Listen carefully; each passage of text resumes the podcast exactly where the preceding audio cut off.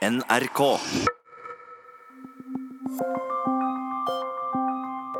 Hva om president Trump og staben hans var en TV-serie og ikke virkelighet?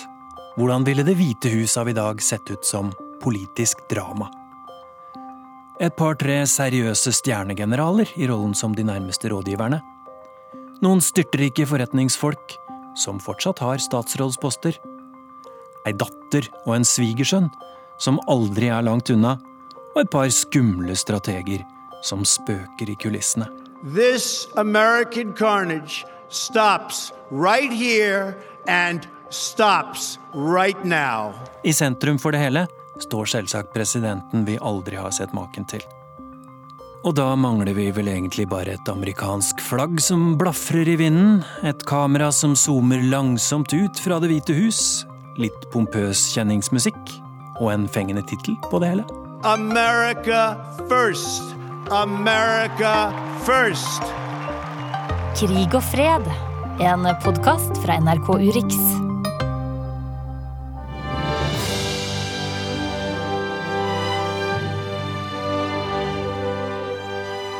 Det her er kjenningsmelodien fra The West Wing, en snart 20 år gammel dramaserie som fulgte det indre liv i Det hvite hus under den fiktive president Bartlett.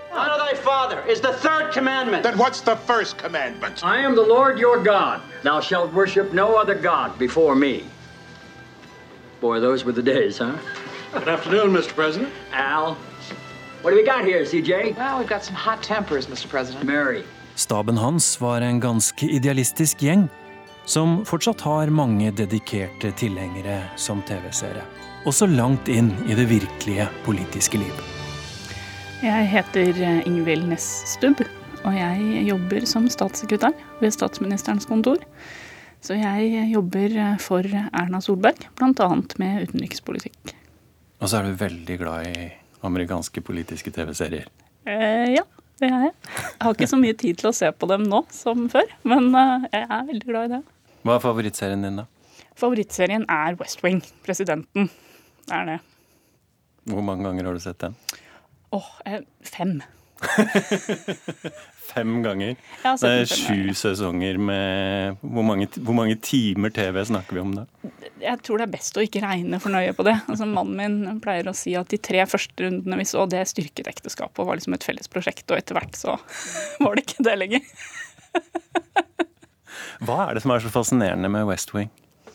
Det som er fascinerende med West Wing, var at det mm, brakte oss på en måte på innsiden av eh, Det hvite hus og bak presidenten. Altså, du får se de som er bak han, som støtter han, og som har som jobb at han skal fremstå bra og i kontroll. West Wing er jo fløyen i Det hvite hus, hvor presidentens stab sitter. Så visjonen var hele tiden at det skulle vise hvordan det indre liv i Det hvite hus var. Og det er fascinerende. Nå har vi en president i USA som har mye erfaring med å jobbe i grenselandet mellom eh, virkelighet og iscenesettelse, hvis vi kan si det på den måten. Han har masse TV-erfaring, og det virker som han ser mye TV òg. For deg som er glad i politisk TV-drama, hvordan vil du forestille deg at dramaserien om president Trump og hans stab ville se ut? Det er rett og slett vanskelig å se for seg. Ja, det, det vet jeg ikke om jeg tør å spå om. Men figurene? Det fins noen figurer i den administrasjonen? Ja da, det gjør det. My name is Jared Kushner. I am senior advisor to President Donald J. Trump. Let me be very clear. I did not collude with Russia, nor do I know of anyone else in the campaign who did so. Vice President has never had to persuade me to remain as Secretary of State because I have never considered leaving this post. Jeg heter Tove Bjørgaas og er eh, korrespondent i Washington på åttende året. Tove, klarer du å forestille deg Trump-administrasjonen som en eh, dramaserie på TV? Absolutt. Det kan da ikke være noe bedre cast eh, som noensinne har bodd inne i Det hvite hus. Jeg har også snakket med folk her som mener at det aldri har vært bedre underholdningspotensialet, krimpotensialet, TV-potensialet i denne TV-vennlige administrasjonen som sitter og styrer her i byen nå. Denne ukas episode handler jo helt åpenbart om forbindelsene til Russland i forbindelse med valget. Gi oss et sylkort handlingsresymé der. Denne uka ble de første tre personene eh, tiltalt i denne saken om eh, etterforskningen, altså om, hvilken rolle Russland spilte før valget. Det var altså bl.a. Trumps tidligere eh, kampanjesjef eh, Paul Manafort og eh, den tidligere utenrikspolitiske rådgiveren for kampanjen hans, George Papadopoulos, som er en vi kommer til å få høre mye mer om, eh, fordi han innrømmet å ha løyet til FBI. Dette er jo det store plottet i TV-serien om Trump-administrasjonen. Dette kommer til å rulle og gå. Dette inneholder alt man kan drømme om av eh, thrillerelementer og politisk psykologi og skittkasting og ikke sant. Eh, så denne uka her tror jeg er en, en, en virkelig viktig uke, altså. Men for, siden, så, men for to uker siden så handla det om Trump og hans forhold til familiene til amerikanske soldater drept utenlands. Kort handlingsreise med der? Da handlet det om eh, Trumps feide med enken etter en amerikansk, afroamerikansk soldat som døde i Niger i et eh, bakholdsangrep i oktober. Eh, og der Trump og denne enken kranglet om hvorvidt hva han hadde sagt da han ringte henne for å kondolere. Og da kjørte han også ut stabssjef John Kelly til slutt og, og, og blandet inn hans egen historie om, om, da han mistet sin sønn i Afghanistan, og hvordan Obama hadde agert i forhold til soldatfamilier. Og så var det også inne i miksen her en, en afroamerikansk kongressrepresentant eh, fra Florida med, som alltid går med sånn eh, paljettbesatt cowboyhatt. Så det hadde også vært en god TV-episode, tror jeg. Så det er sånn, ja, Hver uke er det en ny episode. Altså, vi kan nesten gå fra uke til uke tilbake og bare ha, få noen sinnssykt gode, eh, gode West Wing-episoder. altså. Ja, Det var en episode for ikke så lenge siden som handla om det 25. grunnlovstillegget. Det hadde vi ikke hørt så mye om før, men det handler om hva staben rundt kan gjøre hvis de mener presidenten ikke er mentalt i stand til å gjøre jobben sin. Hvordan slutta den episoden egentlig? det slutta vel med at det er veldig vanskelig å klare å avsette Trump selv på den måten. Altså Hvis hele hans eh, kabinett og regjering hadde blitt enige om at denne fyren er syk, han er gal, han kan ikke styre landet, så kunne de sagt at han kan ikke styre landet og gått til Kongressen med det. Men likevel så må du ha to tredjedels flertall for å klare å avsette presidenten. Så, så, så de, de, hadde ikke lyktes eh, med det. Men bare at man har kommet til den episoden allerede, det sier jo litt om vi, hvilket terreng vi, vi befinner oss i her. Og ennå er vi bare i sesong én, ja. Men hjelp oss nå, hvordan ser rollelista ut i Det hvite hus om dagen? Hvem er det vi skal holde øye med? Vi kan dele dem inn kanskje i fire grupper. Fortell. Ja, Først har vi generalene. Trump har vært opptatt av generaler også i valgkampen. Og inne i Det hvite hus så sitter spesielt da John Kelly, stabssjefen til Trump, tidligere general i marineinfanteriet, som ble tatt inn i den jobben eh, etter å ha vært eh, minister for innenlands sikkerhet. Først for å rydde og forsøke å sørge for å kontrollere hvem som har tilgang til Trump, hva han sier, kanskje til og med hva han tvitrer. Men han har lyktes i veldig varierende grad med det, tror jeg. Og i tillegg, da, der inne i Det hvite hus sitter HR McMaster, en annen general- og militærhistoriker som er Trumps nasjonale sikkerhetsrådgiver. Veldig enig med John Kelly om veldig mye. Og også veldig enig med forsvarsminister eh, James Mattis, Mad Dog, som de kaller han, i Pentagon. Eh, og disse tre da eh, har tett kontakt med hverandre og er f.eks. ikke ikke veldig kine på å krige med Nord-Korea. Og så finnes det noen styrtrike forretningsfolk som fortsatt har viktige statsrådposter eller rådgiverposter? Ja, og den aller rikeste tror jeg da det er Gary Cohn, som leder rådgiverrådet, det økonomiske rådgiverrådet til Donald Trump. Han kommer fra eh, investeringsbanken Goldman Sachs, var en mektig mann på Wall Street, men er langt mer moderat enn i hvert fall de lengst til høyre i administrasjonen. Eh, og det har vært mange rykter om at han er på vei ut fordi han ikke er enig i mye av det som Trump-administrasjonen driver med, rett og slett. En annen selvfølgelig mektig forretningsmann i en annen rolle, det er den tidligere toppsjefen i verdens største børsnoterte selskap, Rex Tillerson, som altså var sjef for Exxon Mobil før han ble utenriksminister. Eh, og han hadde vel kanskje større innflytelse i den gamle jobben sin enn i den nye. I hvert fall er det slik at eh, Utenriksdepartementet er ikke veldig viktig i denne administrasjonen.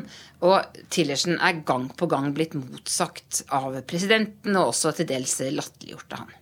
Og så er det ganske mange slektninger i denne administrasjonen. Ja, Det er jo noe annet som ville være snacksy i en TV-serie, tror du ikke det?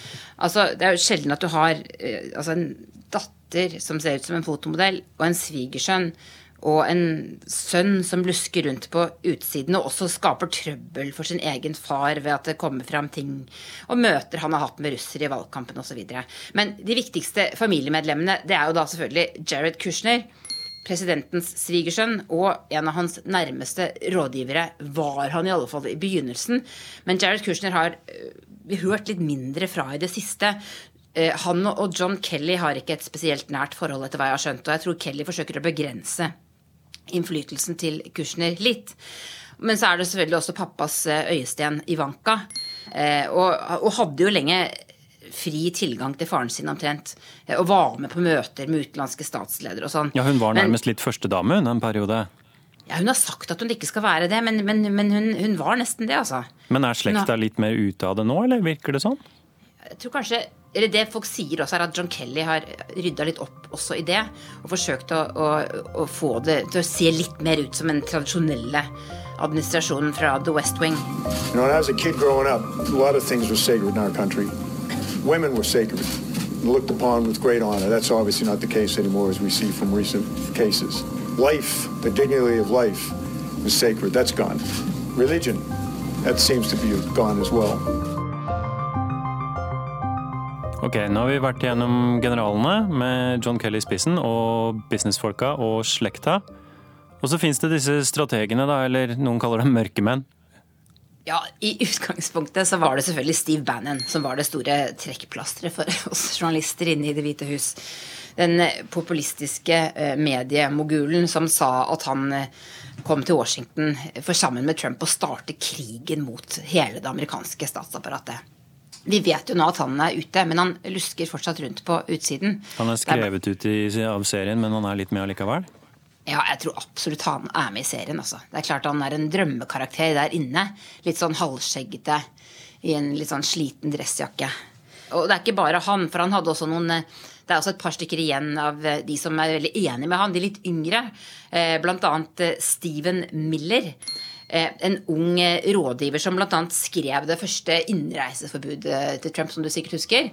Eh, og som etter det, når han forsvarte det på TV, ofte ble kalt for 'den lille diktatoren'. Veldig liten og mørk og veldig intens og veldig ung. Han er vel litt over 30, tror jeg. And we have thousands of federal officers and investigators who do nothing but run around the country trying to stop terrorist attacks for no other reason than because we made the mistake of letting people in who harbor hatred for this country en ung, sint mann fra California vokst opp i det liberale smørja i Santa Monica i, i, LA og har vært sint på hvordan eh, demokratene har preget den delstaten, og har nå kommet til Det hvite hus med en helt soleklar agenda, som ikke minst eh, handler om kraftige innstramminger i innvandringspolitikken. Og så er det hovedpersonen sjøl, da? Ja. Og han er jo ikke bare en hovedperson, eh, men i større grad enn vi kanskje har sett i noen politisk TV-serie så er det mange som mener at det er jo Donald Trump alt handler om. Det er Donald Trump som er på forsida av avisene hver eneste dag. Tidligere så har politikken til amerikanske presidenter vært på forsida, men nå er det personen Trump eh, veldig mye handler om. Spørsmålet er jo da er det liksom viktig Hvor viktig er disse folka rundt ham, egentlig? Er det bare Trump? Du hører på Krig og fred, en podkast fra NRK Urix. Ingvild Næss Stubb, statssekretær hos Erna Solberg og vår politiske TV-serie-junkie. Hva slags inntrykk sitter du med av eh, Donald Trump og hans stab? Altså, nei mm, Nei, det har jo det har skjedd en god del faktisk i sommer også, og, og, etter i sommer. Men eh, jeg har jo jeg hører veldig mye bra om HR McMaster. Uh, som en veldig seriøs uh, uh, rådgiver. John Kelly også har jo et veldig godt, eh, et veldig godt navn. En, um, Hva med Steve Bannon, da? Mannen som ble skrevet ut av serien, men som fortsetter å spøke i kulissene? altså, det ble, det ble, en periode skrevet så mye om det indre livet i Trump-administrasjonen med så mange ulike kilder at det var litt vanskelig å vite. Det fremsto jo ofte som at skriveriene var et, eh, var et, ledd i en intern dragkamp. Og da skal man alltid være litt eh, forsiktig med å trekke for bastante konklusjoner, tror jeg. Ja, Hva skal vi gjøre som står på utsida og har lyst til å vite hva som foregår, da? Man må følge med som man vanligvis gjør i aviser og medier og uh, Det går jo an å følge pressebrifingene og mm, Det er så annerledes her enn tidligere administrasjoner, er den jo ikke. Bruker vi for mye tid på det? Jeg, jeg, tror kanskje det. Men nå har jeg jo dekket amerikansk politikk før Trump også. Og det, har, det er alltid veldig stor interesse for eh, amerikansk politikk i, i norsk offentlighet. Det er, eh, og det kan, det kan bli Vi kan bli nesten litt for godt kjent med de ulike aktørene og lese nesten litt for mye inn i det. Ja, så Den norske offentligheten trenger egentlig ikke å bekymre seg over eh, det indre liv i Det hvite hus? Jo, nei, det var ikke det jeg mente, for så vidt. Men jeg tror vi skal være forsiktige med å drive og bli sånn kremlologer, da. Ikke sant? At du ser på hvem står der på bildet, og hvem står der på bildet. Og... Ja, det har vært noen tegn til noe litt sånn uh, i det siste, kanskje? Ja. Det, jeg tror ikke vi trenger å mystifisere det så mye, da. Uh, jeg skjønner at folk er nysgjerrig, for det er jo en, det er en uh, administrasjon som er annerledes på enkelte områder enn det vi er vant til. Så jeg skjønner at det vekker interesse og nysgjerrighet. Men jeg tror samtidig ikke vi skal jeg tror ikke vi trenger å overdrive. Mye er som før. Og det som er viktig, tror jeg spiller seg ut eh, såpass offentlig at man får det med seg, uten å sitte og lese mellom linjene om alt. Men merker dere som norske politikere noe til at det er annerledes å forholde seg til denne administrasjonen enn til tidligere administrasjoner? Altså, vi har jo et veldig nært eh, forhold til USA et nært samarbeid med USA. Uh, vår nylig avgåtte utenriksminister Børge Brende møtte jo sin kollega Rex Tillerson flere ganger. Eh, hun som nettopp var blitt utenriksminister, Ine Eriksen Søreide, møtte jo James Mattis flere ganger eh, etter at, ble, han, etter at, han ble, forsvarsminister. Så de har, et, eh, de har fått et veldig godt forhold til hverandre. Det som er litt annerledes enn med tidligere administrasjoner, er at det har tatt lang tid å fylle på under toppene. Så du kan si typiske motparter for statssekretærer, og det har tatt lengre tid. Eh, og det gjør det jo utfordrende å bli godt kjent på alle nivåer. Eh, men det er jo Fortsatt har ikke administrasjonen sittet et år. Eh, så at, at det tar litt tid, det kan, det kan skje. Men, men, det er nok litt, litt uvanlig.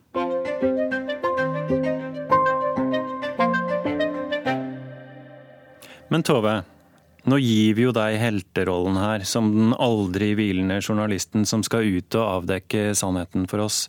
Men sånn helt realistisk, hvor lett er det for deg å jobbe med å finne ut hva som skjer inne i Det hvite huset, egentlig? Det er dritvanskelig. Det har aldri vært så vanskelig eh, å være vil jeg si da, å være utenlandsk journalist i Washington. Og jeg har vært der i ganske mange år. Eh, det som har skjedd, er at eh, det er jo et race for å komme nærmest mulig. Eh, og, og, det har også gjort at det er mange flere amerikanske journalister som er, er her. Som, som, altså Washington Post har etter hva jeg skjønt ansatt 100 nye journalister som jobber med politikk. Men det er blitt mange flere om beinet, og mye vanskeligere for oss som kommer fra et lite land folk ikke couldn't care less about. Men du har jo faktisk vært der inne. Du slapp jo inn og fikk stille spørsmål til president Trump sjøl, du. Hvordan var det? Ja, vi må, vi må, henge oss på de vi har, de maktmenneskene vi kjenner. Og, og den største maktmannen vi kjenner, det er jo Jens Stoltenberg. For han får jo tilgang når han kommer hit. Eh, og da eh, er de så innmari greie i, i, Nato at de gir norske journalister plass på første benk. Eh, så da fikk jeg faktisk stille et spørsmål til Trump. Og jeg fikk også sitte rett foran han sånn i blikkretning.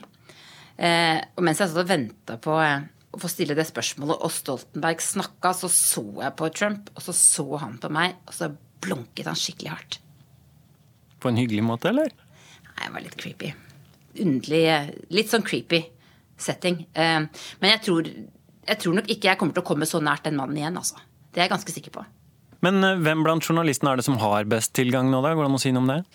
Det er jo The White House uh, Press Corps, altså de som er korrespondenter for de store TV-selskapene, og de som representerer de store avisene, New York Times, Washington Post, Wall Street Journal, som sitter der inne hver dag og går på pressekonferansene til eh, til Sarah Huckaby Sanders, som har best tilgang. Eh, og så er det selvfølgelig de som får alle lekkasjene, for det har også vært ekstremt viktig. Eller det er veldig viktig. Det, jo, det lekker jo hele tiden. Eh, og der tror jeg ikke minst det er mange avisjournalister som har veldig eh, gode kilder.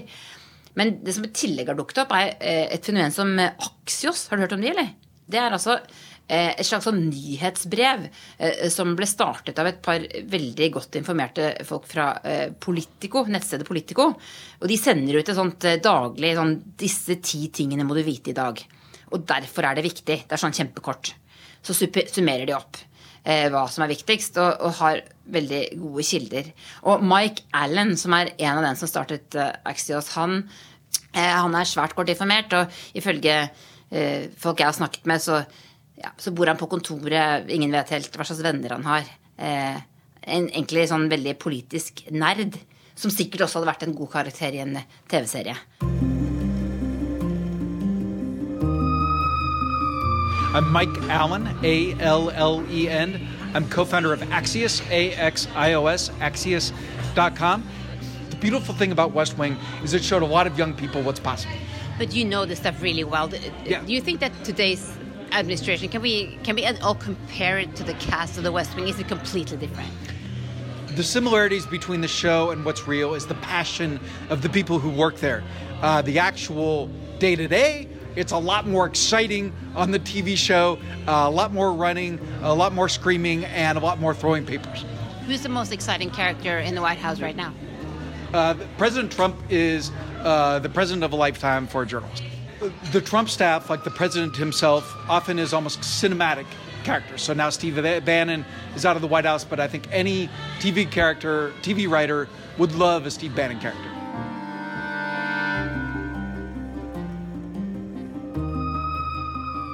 Ja, Hvor mye ligner det på virkeligheten, egentlig? Ja, Det er vanskelig for meg å si. Jeg kjenner jo ikke West Wing fra innsiden. Hvor mye ligner det på å være statssekretær ved statsministerens kontor, da? Noen ting ligner ganske mye. Uh, I at uh, når en sak kommer til statsministerens kontor, så har den ofte pågått ganske lenge, og man er inne i en beslutningsfase. Og så ligner det dette med at saker dukker opp plutselig, at mediebildet skifter veldig dramatisk og kan påvirke arbeidshverdagen din veldig og derfor kan arbeidsdagene se veldig ulike ut.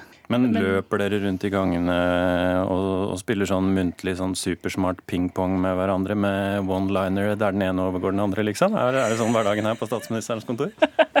det er faktisk en del walking and talking. Det er det.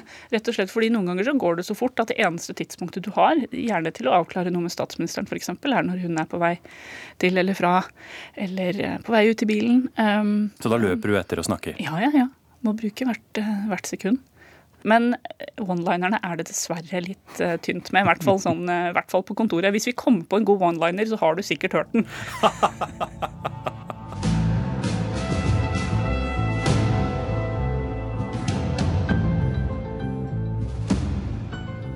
Nå kjenner kanskje noen igjen musikken fra House of Cards, et mye dystrere politisk presidentdrama.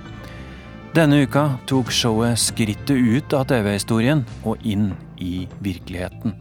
Sjette sesong er stansa. Hovedrolleinnehaveren er anklaga for seksuelle overgrep mot en 14 år gammel gutt. You might very well think that. I couldn't possibly comment.